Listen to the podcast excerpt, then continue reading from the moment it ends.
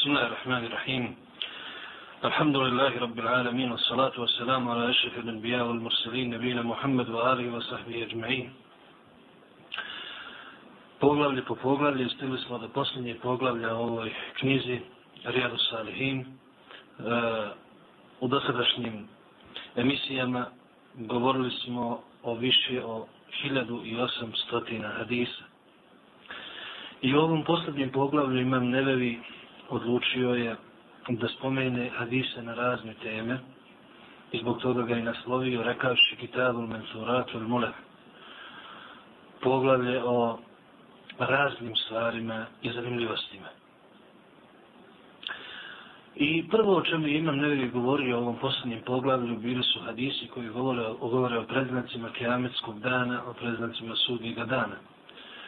I spomenuo je naravno dosta hadisa koji govore o Deđalu kao velikom predznaku kijametskog dana, o čovjeku čije ime znači laž, laž i samo laž, čovjeku koji se bavi sihrom i svim i svačim kako bi zavarao ljude, kako bi ih zaveo i kako bi ih odveo sa pravoga puta pojavit će se u ovom ummetu, to je sigurno, kao što je poslanik sallallahu alaihi wa sallam rekao, a zbog veličine njegove smutnje, svi poslanici su upozoravali svoj narod na njega. Iako su znali da će se pojaviti u posljednjem ummetu, to jest ovom ummetu.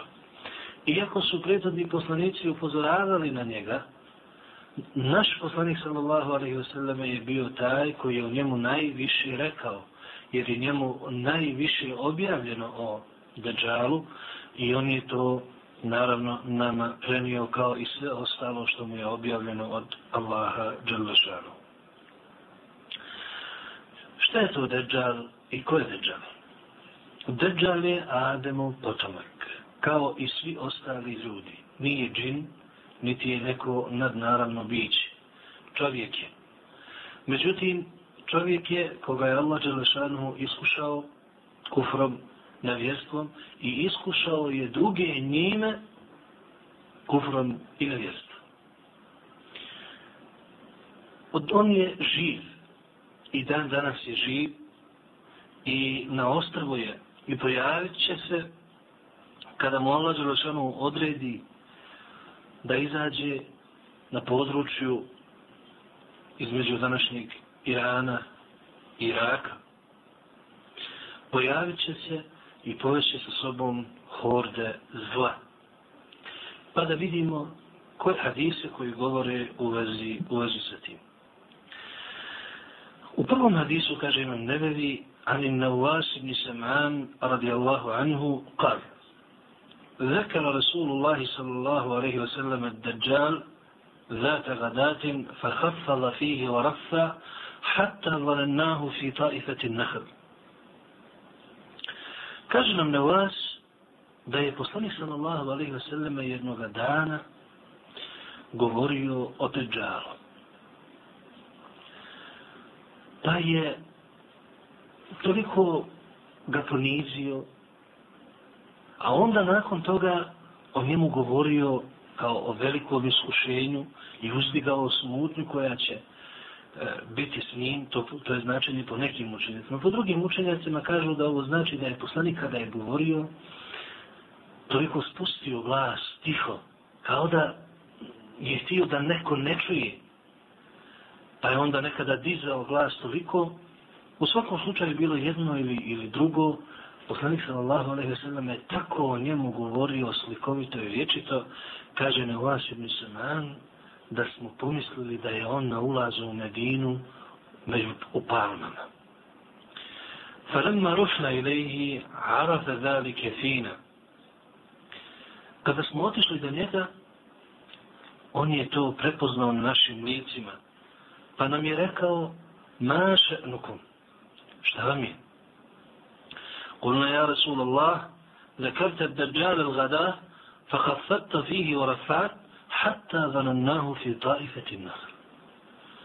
Rekli smo, Allahov poslaniče, ti si o Deđalu danas govorio, pa si dizao glas, ispuštao glas, odnosno, pa si o njemu govorio, ponizio si ga, odnosno ukazao si na veličinu njegove smutnje, tako da smo pomislili da on već na ulazu u Medinu.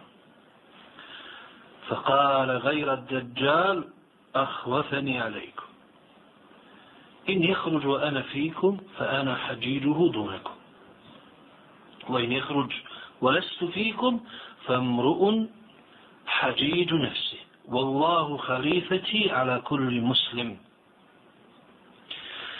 Kaže, ja se bojim nečega drugoga za vas, a ne Dejjala. Ako Dejjal izađe dok sam ja među vama, ja ću se s njim boriti.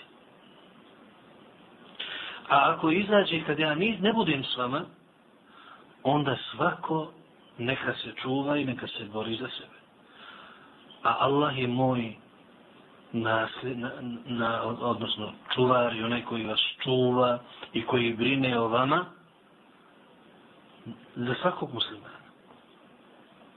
Zatim poslanik sallallahu alaihi wa sallam kaže innehu šabun kada. On je mladić lijepo građe razvijen.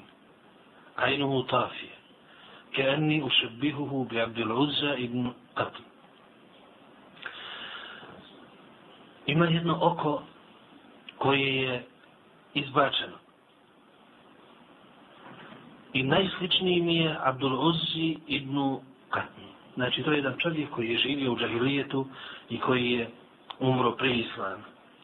فمن أدركه منكم فليقرأ عليه فواتح سورة الكهف pa koga dočeka od vas neka uči početak sure Kehf innehu hariđu halleten bejne šam i Irak on će izaći između Šama i Iraka fa'asa jaminan u'asa šimalan ja ibad Allah fahbutu pa će onda širiti nered i fesad lijevo i desno, znači na sve strane svijeta, pa Allahovi robovi budite čvrsti. Kulna ja Rasulullah, ma fil ard. Rekli smo, kaže ashabi, a koliko dugo će on biti na zemlji, koliko će ostati na zemlji, Kale arba'une jevma.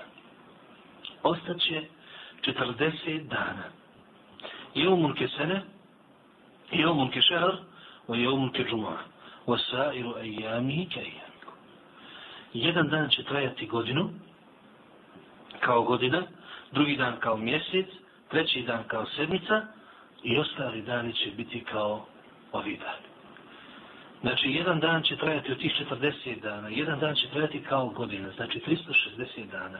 Nije 365, zato što heđarska godina iznosi 360 dana.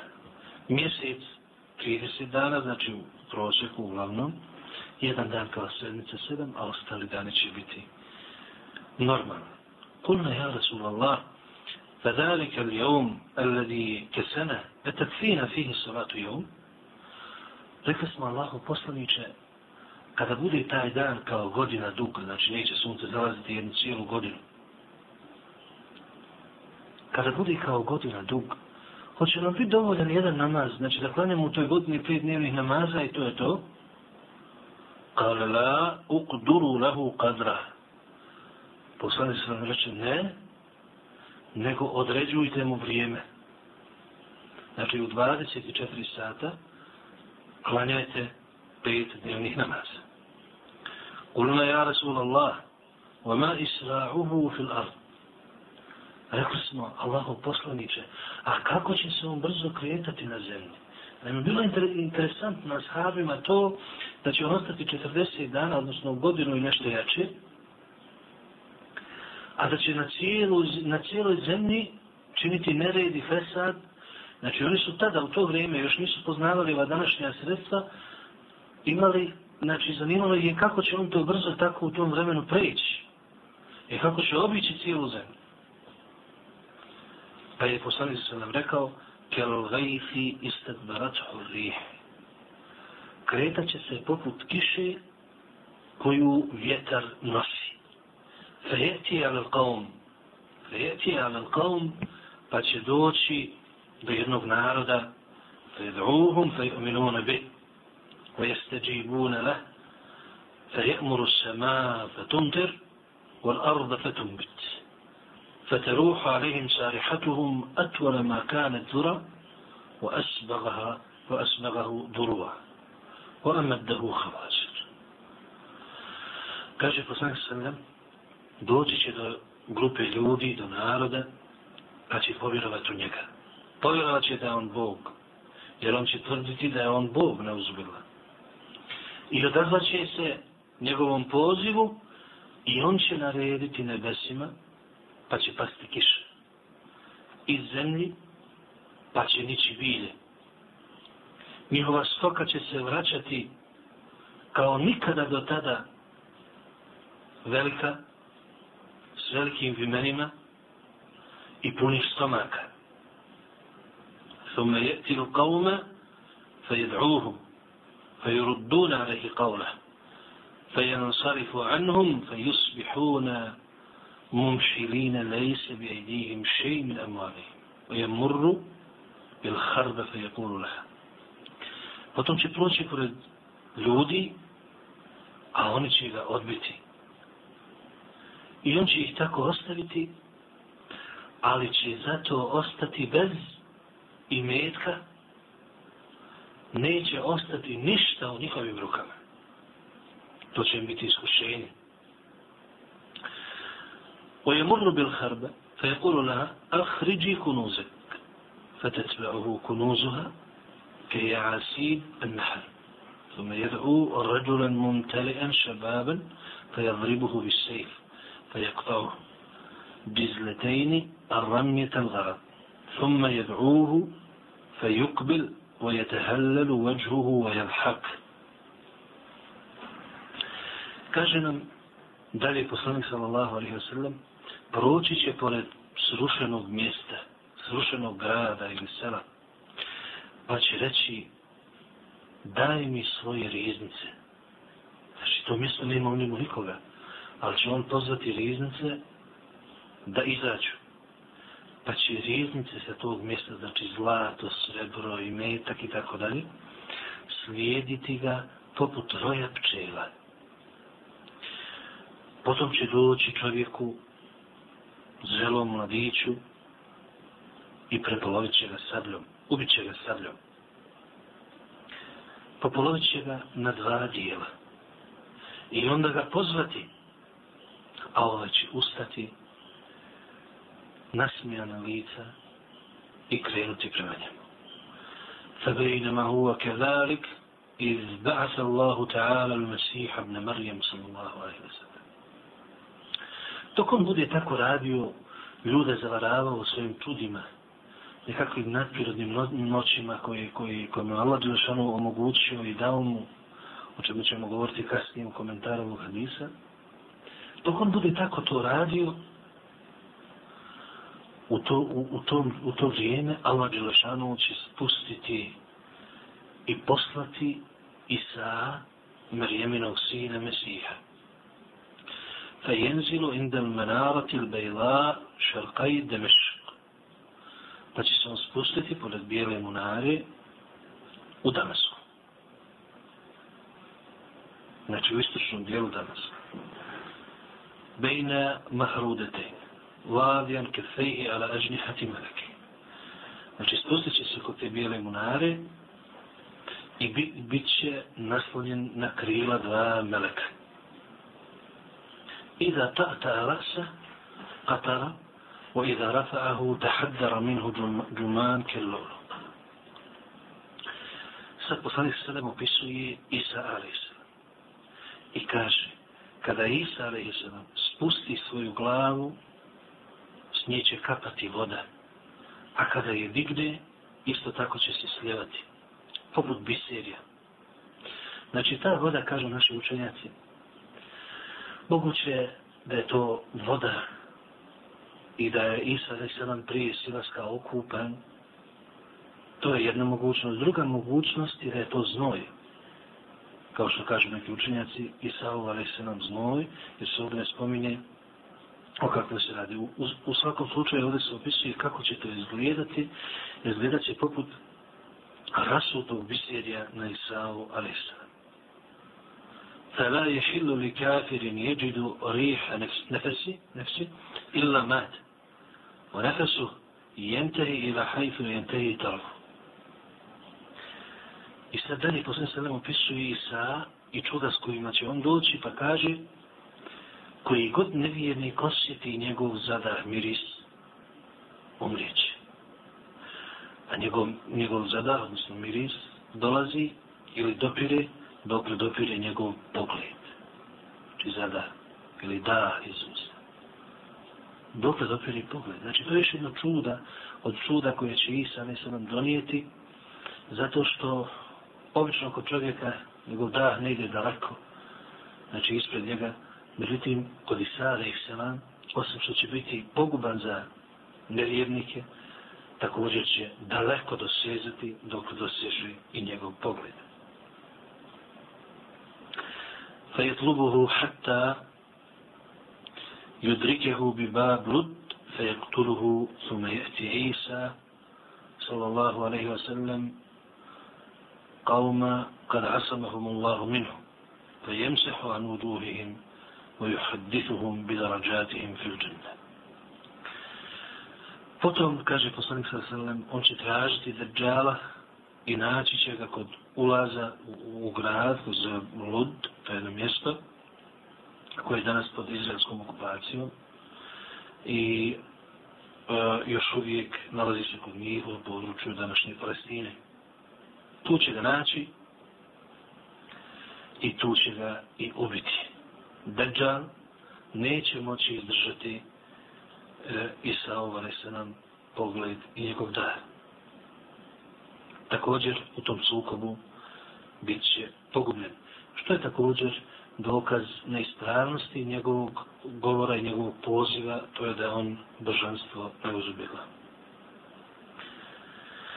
Potom kaže poslanik sallam, Isa će doći do vjernika, do ljudi koje je Allah Đelešanu sačuvao od Dejjala, pa će potirati po njihovim licima, jer na njihovim licima bit će jad, čemir, bol, strah i sve to što će se dešavati u to vrijeme zbog Dejjalovog nasilja i zuluma, jer vidjet ćemo u drugim hadisima da će ljudi, vjernici, bježati od njega i po, po raznim dolinama i brdima, kako se spominje u hadisima, sve zbog te velike smutnje koja će se dogoditi, ali doći će i sada se nam pa će, pa će ih potirati po licima i govorit će im o njihovim deređama i njihovim mjestima u džennetu.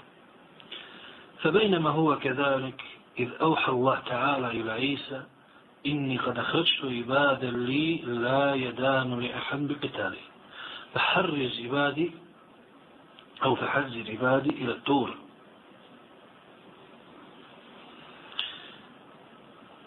Kaže dalje poslanik sallam, dok Hrista tako bude sa vjernicima, Allah Đelešanu će mu objaviti da je pustio svoje robove, znači neke svoje robove, kojima se niko ne može suprostaviti i da njegove robove, to jest vjernike koji su s njim, skloni na brdo Tur.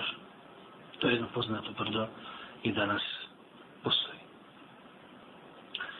ويبعث الله يجوج ومأجوج وهم من كل حدب ينسلون Allah Đelešanu će tada pustiti da izađu jeđuđ i međuđ, koji će se sa svih strana, sa svih brda i dolina sljevati kao da su vodena bujica. فيمر أوائلهم على بحيرة برية فيشربون ما فيها. ويمر آخرهم فيقولون لقد كان بهذه مرة ما. إسان صلى الله عليه وسلم في وبسر ينهايز ويجوجة يمجوجة أتصد لا نارد. تكوجر vodi porijeklo od Adama, znači ljudi su, imaju sve osobine ljudi, s tim što su brojni, što su vama agresivni, nasilni i oni bi naravno ugrozili život ostalog dijela čovječanstva, ali Allah Žešanu ih je uklonio, odvojio od ovog dijela čovječanstva do određenog roka.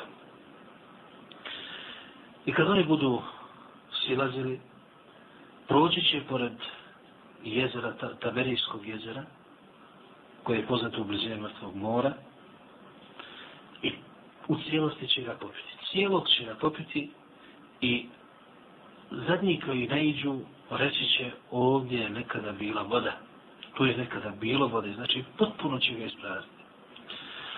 ويحصر نبي الله عيسى وأصحابه حتى يكون رأس الثور لأحدهم خيرا من مئة دينار لأحدكم اليوم I kaže dalje poslanik sa sallam, Isa, Allahov vjerovjesnik, sa svojim vjernicima tada u to vrijeme, bit će zarobljen, opsjednut na brdu Tur i to će potrajati tako da će glava bika, znači bilo kakva hrana, glava bika biti bolja i vrednija od stotinu zlatnika vama danas. Znači stotinu zlatnika to je bilo bogatstvo. Dukati tada u to vrijeme, to je bilo bogatstvo. Međutim, u to vrijeme, u vrijeme gladi, sve gubi vrijednost. Sve opada i vrije, važno je samo ono što se može pojesti. I zato ovdje poslanik se nama kaže da u to vrijeme, kad oni budu opsjednuti, zarobljeni i ne mogu izaći sa tog brda, bit će najvažnije to što će moći pojesti. فيرغب نبي الله عيسى صلى الله عليه وسلم أصحابه رضي الله عنهم إلى الله تعالى فيرسل الله تعالى عليهم النغف في رقابه tada će Allahov vjerovjesnik Isa sallallahu alaihi wasallam sa vjernicima u to vrijeme moliti Allaha Đelešanuhu da ih pomogne i da ih riješi te nedaće. Pa će Allah Đelešanuhu na te ljude, jeđuđ i međuđ, poslati crve koji će biti na njihovim vratovima. Fa yusbihu na farsa ke mauti nefsin wahida. I oni će, kada dođu ti crvi na njihove vratove, osvanuti svi mrtvi do zadnjega kao jedan. Znači, kao što umre jedan čovjek, tako će umrijeti svi oni te noći. Cijela dva ogromna naroda. ثم يهبط نبي الله عيسى صلى الله عليه وسلم وأصحابه رضي الله nakon toga će se Isa a.s. sa vjernicima spustiti iz brda Tur na zemlju. فلا يجدون في الأرض موضع شبر إلا ملأه زهمهم ورتنهم فيرغب نبي الله عيسى وأصحابه رضي الله عنهم إلى الله تعالى فيرسل يرسل الله تعالى طيرا كأناق البخت Pa će Isa a.s. i vjernici u to vrijeme kada dođu na zemlju, koja će bit će ispunjena njihovim leševima i smradom, da neće biti pelja slobodnog i čistog. Pa će Isa a.s. i vjernici ponovo moliti Allah da ih sačuva da ih pomogne, jer oni ne mogu tu ništa uraditi, to je ogroman broj ljudi pa će Allah Đelešanu poslati ptice koje će imati vratove poput devijih vratova.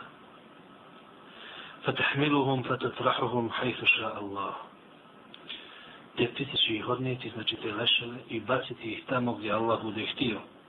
ثم يرسل الله عز وجل مطرا لا يكن منه بيت مدر ولا وبر فيغسل الأرض حتى يتركها كالزلقة potom će Allah Đelešanu poslati kišu, koja će sve natopiti, svaku kuću, tako da će zemlju potpuno oprati, koja će poput stakla biti. Thumma yuqalu al-ardi anbiti thamaratak. Potom će biti zemlji rečeno iznjedri ili daj svoje plodove. Wa uh, ruddi. I daj svoje blagoslove beričite, znači bit će veliki beričiti plodovi u tom vremenu. Fe jevu me idin tekuru mir rumane. Tada će moći grupa ljudi jesti jedan nar ili šipak onaj koji je poznat kod nas. Uveste luna bi tehvije. I moći će biti u hladovini njene kore. هو يبارك في, في, في الرزق حتى إن اللقحة من الإبل لتكفي في آم من الناس واللقحة من البقر لتكفي القبيلة من الناس واللقحة من الغنم لتكفي الفخذ من الناس Također će Allah Đelešanu dati blagoslov u mlijeku i u muženju stoke, pa će od jednog, naime, od, od devinog mlijeka koje se pomuze, moći nahraniti i napiti se ogromne, ogromne grupe ljudi, a od krave moći će se cijelo pleme nahraniti, a od ovce, odnosno koze, moći će se cijela jedna familija nahraniti. فبينما هم كذلك إذ بعث الله تعالى ريحا طيبة فتأخذهم تحت آباطهم فتقبض روح كل مؤمن وكل مسلم I dok oni budu tako, znači od prilike kažu učenjaci sedam godina kako se spomenju hadisima, to će trajati, Allah Đelešanu će poslati jedan ugodan vjetar koji će ih uzeti ispod pazuha i usmrtiti svakog vjernika i muslimana. ويبقى شرار الناس يتهاردون فيها تهارد الحمر فعليهم تقوم الساعة I nakon toga postaće najgori ljudi koji će spolno općiti i bludničiti poput magaraca, znači javno, kako kaže se od hadisu, na njima će nastupiti kijametski dan. Znači na tim ljudima nastupit će kijametski dan. Ovaj hadis je zabilježio imam muslim. Hadis je poduži i u istinu obiluje brojnim koristima i brojnim fajdama. Prvo što iz ovoga možemo razumjeti jeste da je poslanik sallallahu alaihi wa upozoravao ashabe i govorio im o deđalu, što znači da i mi to trebamo i nama je to dužnost prenijeti jer to je bio sunnet svih poslanika, svi su oni o njemu govorili i čak se u nekim rivajetima za koji neki učenjaci kažu su dobri rivajeti Pa spomeni da je jedan od znakova ili vrijeme kada će izaći deđal onda kada se o njemu ne bude govorilo, odnosno kada se o njemu bude najmanje govorilo. Jer znanje o njemu nikada neće nestati. Uvijek će biti onih koji će znati o njemu i govoriti, a to će biti neznatno u odnosu na ljude. Zatim, ovaj hadis potvrđuje postojanje bića čovjeka koji se zove Dejjal i koji će doći i zavesti brojne ljude koji će imati a, razne nekakve neprirodne stvari će činiti, znači koje će ljude zavarati. To mu je Allah Đelešanu omogućio i zato je njegova smutnja i jest, i jest velika. To što Dejjal sa sobom ima, to se zove istidrađ, znači neke nadprirodne moći koje se daju grešnicima, nevjernicima, kako bi bili iskušenje drugim ljudima koji se postave znanje Allahovih poslanika i za postave e, znanje koje je došlo u objavama. Ono što se da dobrim ljudima od tih neobičnih događaja i neobičnih mogućnosti zove se kerame, da ono što se da vjerovjesnicima i poslanicima zove se muđize. Znači ovo je isti drađ i na osnovu ovoga neki učenjaci, odnosno naši učenjaci kažu da nije svako evlija, nije svako dobar ko radi neke neobične stvari, kome se događaju čudne stvari. Čak kako, kako kažu da leti po, po zraku, da hoda po vodi, nije dokaz odmah da je to dobar čovjek da je Elije, nego treba povedati u njegova dijela. Ako budu u skladu sa onim što su donijeli poslanici, ako bude u skladu sa onim što, što je Allah Đelšanu zadovoljan, s tim onda je u redu, onda je keramet.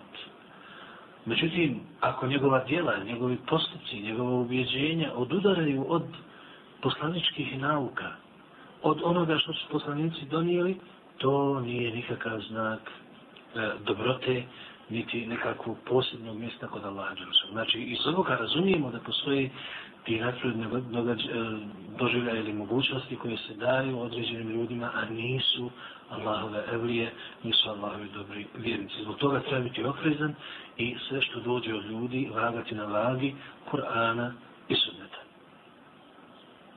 Dalje također iz ovoga razumijemo da je poslanik sallallahu alejhi ve sellem rekao ja se nečega drugoga bojim za vas. Čega se to poslanik sallallahu alejhi ve sellem boji? U drugom hadisu također koji je zabilježen u Muslimom rivajetu stoji se da je da stoji da je poslanik sallallahu alejhi ve sellem rekao: "Ahwafu ma khafu alejkum al-asghar. Najviše čega se za vas bojim je mali širk. Pa su ga upitali, Allah poslanče, šta je to mali širk? Pa je rekao, neiskrenost u dijelima, odnosno pretvaranje rija. Znači to pretvaranje da čovjek radi djela zbog nekoga drugoga, da uljepšava svoje ibadete zbog nekoga drugoga, nije iskren u svojim djelima prema Allahu Đelešanu, to je ono čega se je poslanik sallallahu alaihi wa sallam najviše bojao za nas. Dalje razumijemo iz ovog hadisa opis samog Dejjala, pa smo vidjeli da će on biti onako punačak jedan mladić, bit će, imat će jedno oko slijepo, bit će samo izbočine mesa, tako da, da će biti ugašeno. Dok drugi kažu, bit će malo, bit će malo svijetlo. Bilo jedno ili drugo, znači on neće vidjeti na to, na to jedno oko i neće biti, neće biti u redu, bit će, znači, jedno oko slijep. Potom je naveo na koga sliči, znači na čovjeka koji je umro u džahilijetu, živio u džahilijetu i koji je bio poznat, znači, sagovornicima. Potom iz ovog razumijemo da ono što nas štiti od džava nakon znanja o njemu i opisa, jeste učenje početka sure Kehf.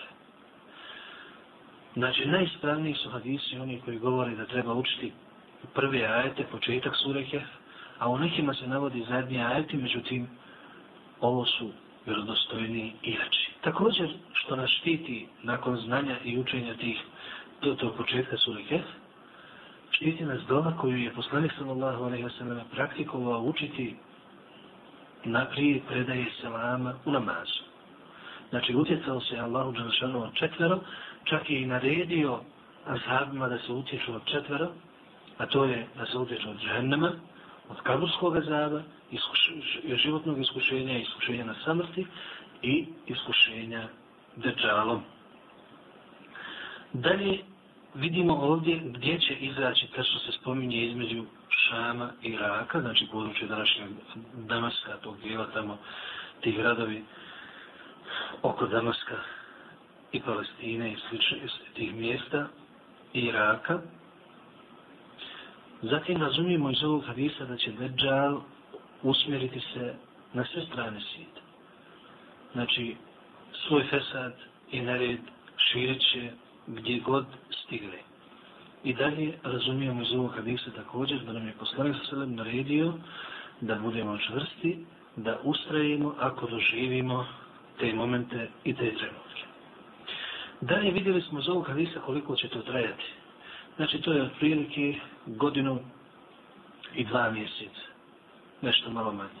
Znači godinu i dva mjeseca to će njegovo iskušenje trajati a bit će se u okviru 40 dana i dogodit će se neobične stvari, a to je da tek kad se pojavi, i to je znak jedan vjernicima, da je Dejjal nastupio, da je Dejjal došao, i sve ono što je rečeno da je Dejjal stiglo, da je Dejjal ovo, da je Dejjal ono, nije ispravno zato što se nije obistinilo ovo što je poslanik rekao, a to je da će dan trajati jednu godinu. Znači godinu dana sunce neće zaći. I to će biti jasan znak vjernicima da je Dejjal došao, da je vrijeme Dejjala nastupilo. Dalje bit će jedan kao mjesec, drugi, e, odnosno treći kao sedmica, a ostali će biti obični dan. Znači, taj poremećaj, jedan prirodni koji će se dogoditi u vezi sa izlaskom i zalaskom sunca, bit će jasan znak da je vrijeme Dejjala došlo, odnosno da je Dejjal izašao. Dalje, iz ovog, iz ovog dijela hadista također razumijemo jedno, a to je da je šarijat u istinu usavršen i upotpunjen. Jer neko od ashaba, Allah Đelešanu je ono htio i odredio da neko od prisutnih ashaba upita šta će biti s namazom ti, u tim danima. Gdje je jedan dan kao godina, kao mjesec, šta da radi, da, da, da se odnose prema njemu kao prema danu? Ili da se odnose prema njemu kao prema neprirodnoj pojavi koja ne utječe na šarijet. I poslanik ih je uputio na to da, da se odredi prema njemu u skladu sa prirodnim tokom stvari, a to je da dan traje 24 sata, odnosno da u toku 24 sata sunce izađe, izađe, makoliko dugo traje dan, odnosno noć. I na osnovu toga naši učenjaci kažu, ako neko stanuje na mjestima, kao što danas imamo oko polova, na mjestima gdje dan traje dugo nekoliko mjeseci, odnosno noć traje dugo nekoliko mjeseci, šta da rade? Kažu, dužni su da računaju i mjere vrijeme naj, najbližeg mjesta gdje, gdje se dan i noć mijenjaju u toku 24 sata. To također povlači za sobom niz usul, pitanja u vezi sa usulom, fikom, fikom i tako dalje, kako se odnositi prema pojavama i ostalo, ali to je E, rasprava u vezi sa tim je na, na drugim mjestima. Također, vidimo kakva će brzina biti, da će i ona biti neobična brzina kretanja deđala, a to je kao kiša koju pokreće vjetar, kako je to poslanik sallallahu alaihi wa sallam opisao. Znači, kiša koju pokreće vjetar, kakva će to brzina biti? Pomoću čega će se on kretati? Allah Đelešanu samo zna. Da će to biti ova prevozna sredstva koja mi poznajemo, ili neće, ili će se on kretati putem. Međutim, to ostaje od, od stvari gajba i ono što nam nije pojašnjeno, ne ulazimo u to. Također, bit će onih koji će ga odbiti i oni koji će ga prihvatiti i onda nastupaju iskušenja. Oni koji ga budu prihvatili, bit će iskušani dobrom, a oni koji ga budu pri odbili, bit će iskušani neimaštinom, oskudicom i problemima. I to je Allahov dželašanov zakon na ovome svijetu, na u ovoj zemlji. Ljudi su na iskušenjima. Neko je na iskušenju u dobru, a neko je na iskušenju u zlu. I svako će dobiti u skladu sa nagradom. I dobro i zlo prolaze. I ne samo da prolaze, i dobro i zlo se mijenjaju u toku života. I zato da ćemo kaže u nebloku Bilhario Šabibi. I mi nas iskušavamo i sa dobrom i sa zlom kao iskušenje. Znači, sve to što čovjek doživi od hajrata, od dobra, to mi je iskušenje da se vidi kako će raditi. Također ako doživljava nedaće probleme i slično, i to je iskušenje da se vidi kako će raditi. Prema tome i u tom vremenu bit će ljudi naravno iskušani s tim. Kada ga odbiju, to će biti prvi ispit. I položili su prvi dio ispita. Onda dolazi drugi dio ispita, to je da izdrže i posljedice tog odbijanja, a to je neimaština, od, od problemi razni i tako dalje, možete zamisliti, to će biti diktatura ta, u to vrijeme, današnjim riječnikom rečeno, koj, koja, koja, kojom će on vladati i šta će se dogoditi s onima koji su nejaki i koji odbiju tu njegovu diktaturu u to vrijeme, znači od država. Kada prođu, i ako prođu kroz, te, kroz ta iskušenja, oni koji prođu, bit će obradovani džennetom, kao što, što smo vidjeli u ovom hadisu Isa, da se nam kada dođe, jasno će im reći kakav stepen i kakvu dređu imaju u džennetu. Dalje, vidjeli smo da, da, da, da Dejjal će se koristiti raznim metodama za strašivanje i pokazivanjima svoje moći pa će uzeti mladića snažno, pa će ga raspoloviti na dva dijela, pa će, pa će ga pozvati, on će se sastaviti i oživit će ga. Znači, i to će biti kao vid iskušenja, da, da, da, da će biti ljudima pokazano da, da on to može raditi kako bi njihov iman bio ispitan. U to vrijeme dolazi Isa, ali se nam smo. I mi vjerujemo da Isa, ali će doći u istinu. I vjerujemo da hadisi koji govore o tome, koji su dostigli stepen tevatura, kao kaže učenjac, hadisi koji govore o tome su istina i da će Isa ali se nam biti spušten. Nije to nikakva e, nikakav znak i simbol za dobro i slično kao što neki kažu da, da, da, da je to simbol nego jasno se u hadisima napominje da je Isa ali se nam koji inače kako Kur'an kaže nije umro koji je uzdignut na nebo i koji će se spustiti. A Allah Želešanu je moćan, onaj koji je spustio Adama iz dženneta na zemlju, moćan je da spusti Isa alaih selam sa neba na zemlju. Ovdje se postavlja jedan problem, a to je da je e, poslanik sa selam posljednji vjerovjesnik. I Allah to jasno u Koranu kaže, mi to kažemo, pa kako onda da nakon njega dođe Isa alaih selam? Kažu naši učenjaci, odgovor na to pitanje je sljedeći. Isa a.s. neće doći u svojstvu novog e, donosioca šerijeta, nove objave i slično, nego će doći u svojstvu vjerovjesnika koji ima određenu zadaću u ovom ummetu. A ovaj ummet pripada ummetima svih vjerovjesnika u smislu vjerovanja, a u smislu slijedjenja posebnog pripadaju Muhammedu sallallahu alaihi wa sallam, a svi vjerovjesnici su dio jedne porodice. Prema tome, E, nikakav problem nije što će Isa ali se nam doći, a naš vjerovjesnik sallallahu alaihi sallam posljednji vjerovjesnik i poslanik. I zbog toga kao dokaz kao dokaz e, toga Isa ali se nam kada zatekne Mehdija koji će inače biti u to vrijeme i predvodit će muslimane u to vrijeme, neće klanjati kao imam, nego će to prepustiti čovjeku iz ovog umeta, to jest Mehdiju. Dalje iz, ovog, iz ovih hadisa također imamo o Isaov opis kako će, kako će izgledati i neke, neka čuda koja će on imati kada dođe ovdje. Također iz ovog hadisa imamo drugi, odnosno treći predznak kijametskog dana nakon e, Silaska Drđala, potom Silaska Isara i Saman, dolazi treći veliki predznak kijametskog dana, to, to je puštanje na slobodu ili u kontakt i dodir sa, sa ovim svijetom, ostatkom svijeta ljudi, je džuđa i međuđa. Ko su to je džuđa i međuđa? Je džuđa i međuđa su dva velika, ogromna umeta naroda od Adema i Sran. Većina učenjaka smatra da, da oni spadaju u dio e, ljudskog roda koji spada u žutu rasu, e, tamo u taj dio gdje su Mongoli, Turci i ostali, znači od tog dijela su od tog dijela pripadaju. Znači, to, to, to je rasi, to, to je vrst ljudi. Oni su činili fesad i nered na zemlji, pa je Zulkarnein, kako se to spominje u suri Al-Kef, izgradio jedan veliki zid e, koji mi je odvojio ostatak svijeta od tih ljudi. I oni kopaju svaki dan taj zid i onda kada dođe vrijeme da se dogodi njihov izlazak, tada će ga i iskopati vidimo da će se to dogoditi u vrijeme Isa alaihi salam i kada Dejjal već bude mrtav pa će Allah zašanu svojom objavom sačuvati Isa i vjernike koji budu u to vrijeme i oni će se skloniti na brdo Tur a Jedžuđ i Međuđ će izaći i Fesad i nered na zemlji činiti.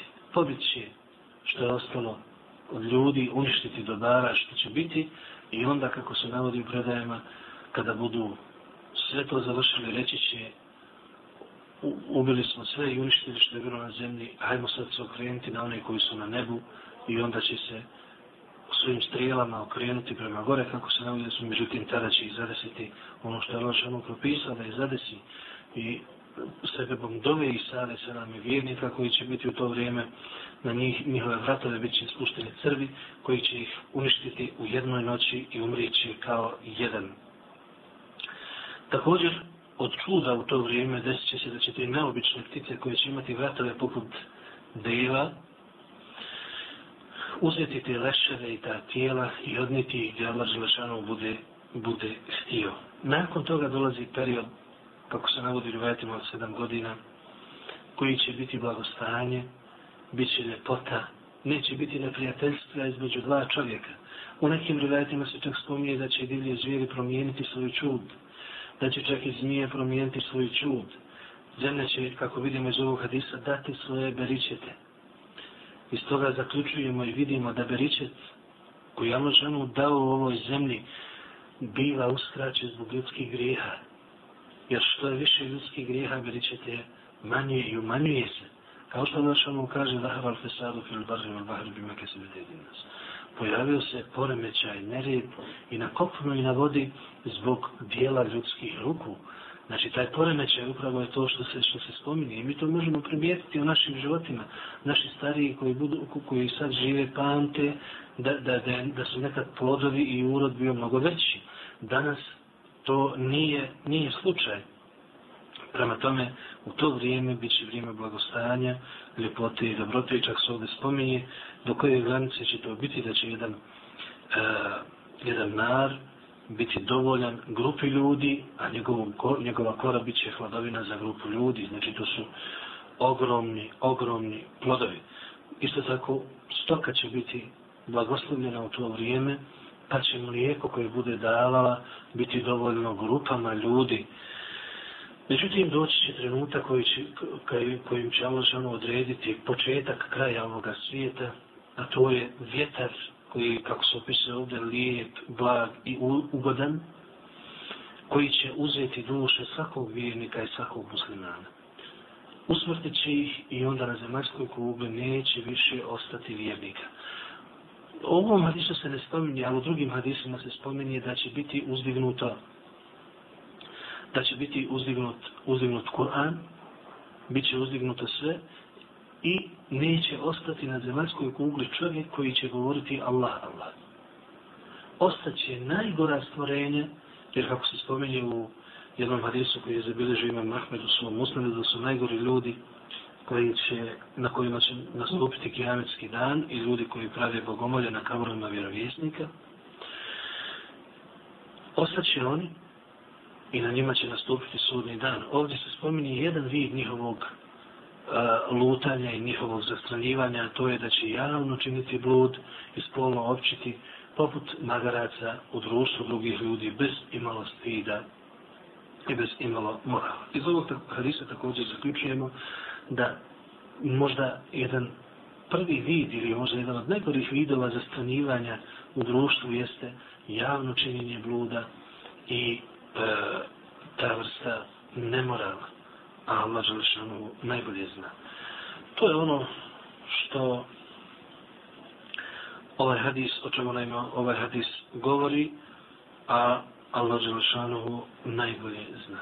Dalje, kaže imam nedevi, preneseno nam je od uh, Rabi ibn Hiraša, da je rekao, intelektu ma je bi Mesud al-Ansari i na Hudejfet ibn Ljeman, radi Allahu anhu, فقال له ابو مسعود حدثني ما سمعت من رسول الله صلى الله عليه وسلم في الدجال قال إن الدجال يخرج وإن ماءه ماء ونارا فأما الذي يراه الناس ماء فنار تحرق. وأما الذي يراه الناس نارا فماء بارد عذب. فمن أدركه منكم فليقع في الذي يراه نارا فإنه ماء عذب طيب. فقال ابن مسعود وأنا قد سمعته متفق عليه. Kaže nam ovaj ashab da je krenuo sa Ebu Mesudom ibn Ljemana. Radijallahu anhu. Pa je Ebu Mesud rekao Huzeife ibn Ljemanu da mi pričaj o onome što si čuo od Allahovog poslanika o Deđalu.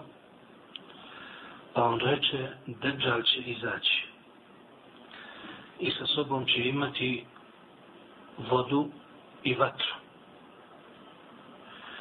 Ono što ljudi budu vidjeli kao vodu, to je vatra koja brži.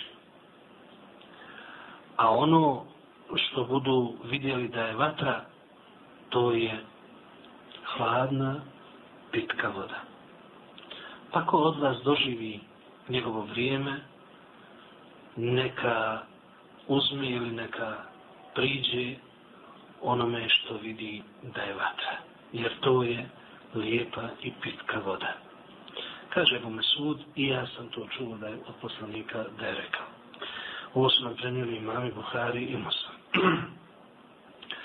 ovaj hadis nam govori o novom opisu i o državovoj smutnji i uči nas kako se možemo sačuvati od njega, a to je da će jedno od iskušenja biti da će sa sobom imati vodu i vatru. Međutim, kažu učenjaci, Dejjal uz sav svoj kufur, uz svo svoje umijeće skrivanja laži i prikazivanja laži istinom, istinom laži, bavit će se i sihrom, bavit će se čarolijama, pa će ljudima se činiti u njihovim očima kao što su faraonovi čarobnjaci i sihirbazi, one kanate i one špagove prikazivali kao zmije.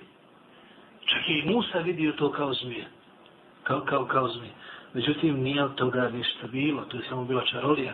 E tako će i ovdje Dejjal sihrom prikazivati vodu vatrom, a vatru vodom.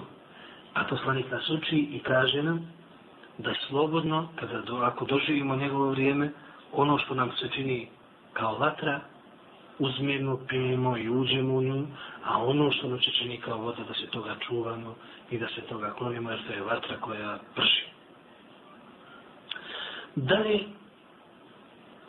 kaže nam Abdullah ibn Amr ibn al-As, radijallahu anhuma, da je poslanik sallallahu alaihi wa sallam rekao يخرج الدجال في أمتي فيمكث أربعين لا أدري أربعين يوما أربعين شهرا أو أربعين عاما.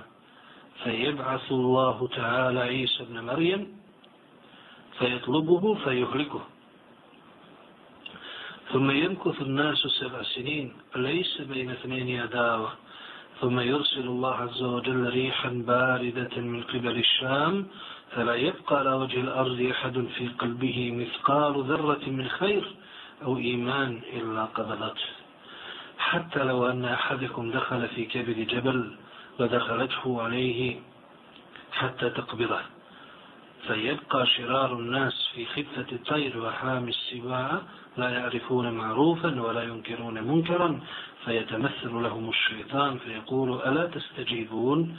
فيقولون فما تأمرنا؟ فيأمرهم بعبادة الأوثان وهم في ذلك دار رزقهم.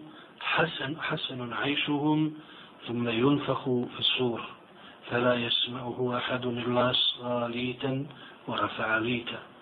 وأول من يسمعه رجل يلوط حوض إبله فيسعق ويسعق الناس. ثم يرسل الله أو قال ينزل الله مطرا كأنه الطل أو الطل فتنبت منه أجساد الناس. ثم ينفخ فيه أخرى فإذا هم قيام ينظرون ثم يقال يا أيها الناس هلم إلى ربكم وقفوهم إنهم مسؤولون ثم يقال أخرجوا بعث النار فيقال من كم؟ فيقال من كل ألف تسعمائة وتسعة وتسعين فذلك يوم يجعل الولدان شيبا وذلك يوم يكشف, يكشف عن ساق.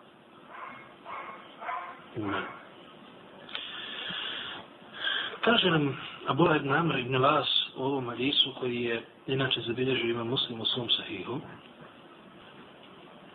da je poslanik sallallahu alaihi wa sallam u vezi sa Dajjalom rekao sljedeći. Dajjal će pojaviti se u mom umetu i boravit će među njima 40. Kaže prenosilac, ne znam čega 40. Dana, mjeseci ili godina. Kažu naši učenjaci, ovo je sumna prenosioca. Međutim, predvodni hadis koji je u Buhari muslimu potvrđuje da će ostati 40 dana, od kojih će jedan biti kao godina, drugi kao mjesec, treći kao sedmica, a ostali dani će biti normalni. Tako da ovo što prenoslac kaže ne znam sve, ne utječe na, na celokupnu sliku od džalovom boravku. Potom će Isa poslati Isa Merjeminog sina, koji će ga tražiti i uništiti. Potom će ostati među ljudima i ljudi će tako boraviti sedam godina u velikom beričetu, u velikom hajru, gdje neće biti neprijateljstva čak među bilo kome. Znači, ni, ni dvojica se ljudi neće isporečkati. Potom će Allah Đelešanu poslati hladan vjetar s pravca Šama i svi koji budu na zemlji, a u njihovim srcima bude imalo dobra ili imana, prenosila sumnja, vjetar će ga usmrtiti. Pa čak i ako bi ušao u, u stijenu, u brdo, vjetar bi ušao za njim i usmrtio ga. Nakon toga će ostati najgori ljudi koji će u zlo, u zlo ići i srljati poput ptica, a bit će poput divni zvijeri. Znači, kada u pitanju zlo, kada u pitanju fasad, nered i slično, bit će brzi kao što su ptice brze. A kada u pitanju njihova narav, njihova čud, bit će poput divnih zvijeri. Neće poznavati pravo slabije, neće poznavati bilo kakva pravila, jednostavno džungla. Neće poznavati nikakvo dobro, niti će a, osvrtati se na kakvo zlo. Tada će se pojaviti šeitan među njima i reći će im hoćete li se odazvati? Pa će reći, a šta nam to naređuješ? Odnosno, šta to tražiš od nas? Pa će im narediti da obožavaju idole, kipove, komire. A cijelo to vrijeme njihova obskrba bit će obilna i lijepo i udobno će živjeti. Potom će biti puhnuto u rog. Kakav je to rog, samo Allah Đelžanu zna. Melek Israfil će puhnuti prvi put i kogod ga bude čuo, stavit će mu vrat, pa će se podići. A prvi čovjek koji će čuti zvuk, to će biti čovjek koji će praviti izvor ili bazen ili bunar za svoje dele, pa će pasti mrtav, a onda i ostali ljudi. Znači, ta, to je prvo puhanje koje će puhnuti se za smrt i uništenje svega što je živo na, a, na zemlji. Potom će Allah Đelešanu poslati ili prenosilac sumnja, da li je poslanik rekao spustiti kišu koja će biti poput muške plodne vode, znači sperme. I od te vode će tijela ponovo nastati.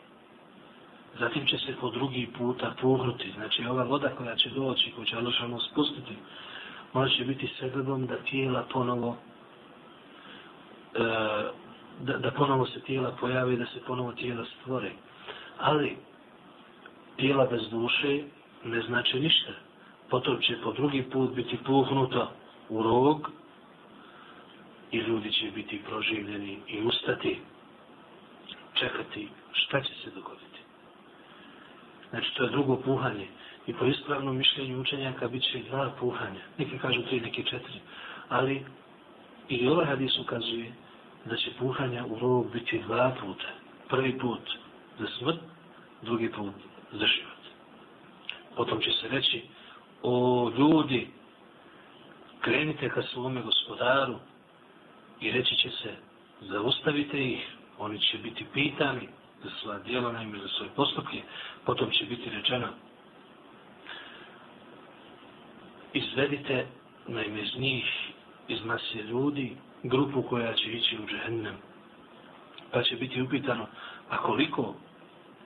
Pa će se reći, od svake 1999. Kaže poslanik sallallahu alejhi ve sellem dalje, to će biti dan kada će djeca osjediti, to će biti dan kada će Allah Đelešanu svoju podkoljenicu otkriti. Tako sve ovom hadisu koji obilježi imam muslim.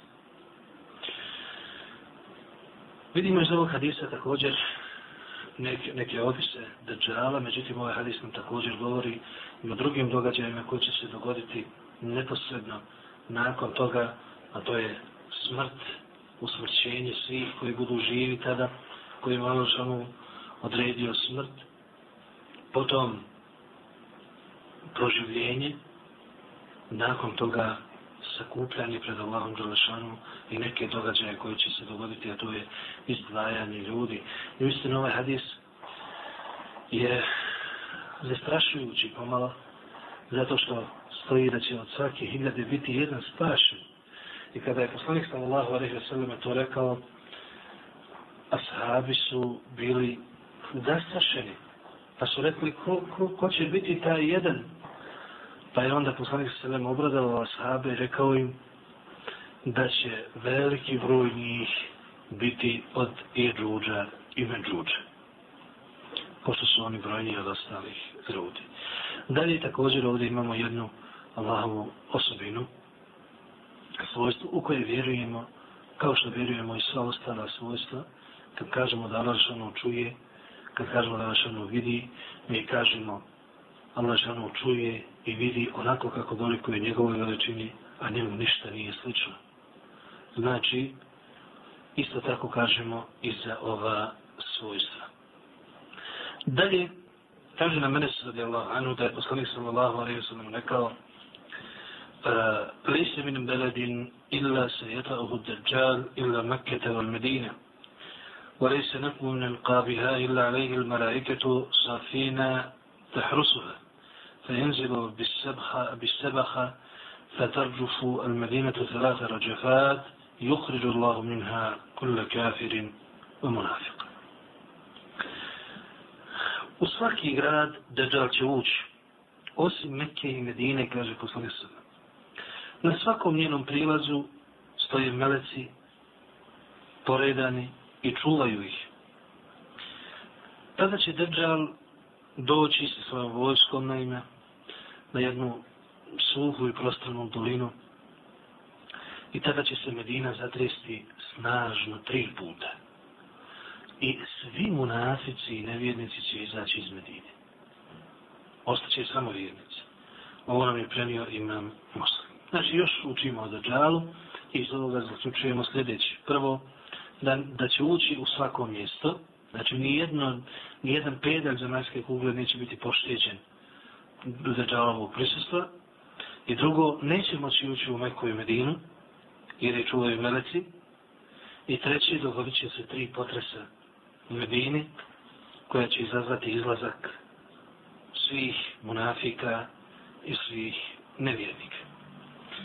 Dalje, također od Denesa je preneseno da je poslanik sallallahu alaihi wasallam rekao يتبع الدجال من يهود أصبهان سبعون ألفا عليهم طيالسة Dajjala će slijediti 70.000 jevreja iz mjesta Asbahan, to je današnjem Iranu, imaće na sebi tajar, tajali se. Znači, to, to je vrsta odjeće ovako kao ne, malo više ko nekakvi ogrtači, kažu, nema to odjeća koja nije širena. Znači, jednostavno se samo prebaci, prebaci preko. I evo nam je zabilježio imam, imam muslim. Dalje kaže Umu Širik, radijallahu anha, da je čula poslanika sa osaleme kada je rekao ali je infiranna nasu mine dađal fil džibal. Ljudi će od dađala bježati na brze. Ovo nam je također zabilježio imam muslim. A Imar ibn Husayn radijallahu anhu kaže da je čuo poslanika sa osaleme kada je rekao ma bejne halki Adama ila qiyami sa amrun akbaru mine teđar. nema većeg iskušenja i većeg belaja za ljudski rod od stvaranja Adama do kijametskog dana od Deđala. Ovaj hadis neki su pogrešno shvatili pa kažu da će biti neko, međutim ovo ma ovdje je negacijsko, znači uopšte negira se što je poznato i drugim a, predajama i zato i poslanici nam je pozoravaju i drugi poslanici i tako dalje. Znači neće biti većeg iskušenja i nije bilo većeg iskušenja od Dejjala. A Ebu Sa'id al-Hudri radijallahu anhu kaže nam da je poslanik sallallahu alaihi wa sallam rekao يخرج الدجال فيتوجه قبله رجل من المؤمنين فيتلقاه المسارح مسارح الدجال فيقولون له إلى أين تأمد؟ فيقول أعمد إلى هذا الذي خرج. فيقولون له أو تؤمن بربنا؟ فيقول ما بربنا خفاء فيقولون اقتلوه. فيقول بعضهم لبعض أليس قد نهاكم ربكم أن تقتلوا أحدا دونه؟ فينطلقون به إلى الدجال فإذا رآه المؤمن قال يا أيها الناس إن هذا الدجال الذي ذكر رسول الله صلى الله عليه وسلم فيأمر الدجال به فيشبه فيقول خذوه وشدوه فيوصي ظهره وبطنه ضربا فيقول أو ما تؤمن بي؟ فيقول أنت المسيح الكذاب. فيؤمر به فيوشر بالمشار من مفرقه آه، حتى يفرق بين رجليه. ثم يمشي الدجال بين القطعتين ثم يقول له قم فيستوي قائما ثم يقول له أتؤمن بي؟ فيقول ما ازددت فيك إلا بصيرة. ثم يقول يا أيها الناس إنه لا يفعل بعدي بأحد من الناس. فيأخذه الدجال ليذبحه فيجعل الله ما بين رقبته إلى ترقوة نحاسة فلا يستطيع إليه سبيلا. فيأخذ بيديه ورجليه فيقذف به. فيحسب الناس أنما قذفه إلى النار وإنما ألقي في الجنة فقال رسول الله صلى الله عليه وسلم هذا آذم الناس شهادة عند رب العالمين ورواه مسلم Kaže nam ovdje Abu Sa'id al-Hudri da je poslanik sa sada ovom hadisu rekao da će Dejjal izaći pa će se prema njemu pa će prema njemu putiti se čovjek, vjernik, koga će se presvesti na putu e, deđalovi, stražari, naoružani ljudi koji će ga čuvati, pa će mu reći gdje si krenuo, reći će krenuo sam kao onome koji se pojavio i koji tvrdi da je deđal na ime. Pa će reći a, zar ti ne vjeruješ u našeg gospodara? Pa će reći naš gospodar nije skriven, znači mi zna se ko je naš gospodar. Pa će oni reći ubijte ga odmah. Pa će jedni drugima reći, za vam nije vaš gospodar, to je Dejjal, zabranio da ubijate bilo koga dok njemu ne dovedete tu osobu. Pa će oni otići prema Dejjalu svi s njim, pa kada ga bude vidio vjernik, reći će mu, o ljudi, to je Dejjal kojeg je poslanik sallallahu alaihi sallam najavio i o kojem je govorio. Pa će Dejjal narediti, pa će biti svezan i reći će mu, naredit će, reći da, da ga svežu i privežu. Pa će biti isprebijan udarcima, a onda će Dejjal mu reći, zar ti ne vjeruješ u mene? Pa će reći, ti si Mesih lažljivac, znači lažni Mesih. Pa će ponovo biti, Dejjal će narediti, pa će ga prerezati popola, od glave do pete. Potom će on prošetati se između njegove dvije polovine tijela, pa će onda reći ustani, pa će mladić ustati ponovo kao da ništa nije bilo. Potom će mu reći, zar ponovo ne vjeruješ u mene? Pa će mu reći, ja još više vjerujem da si ti lažni mesij.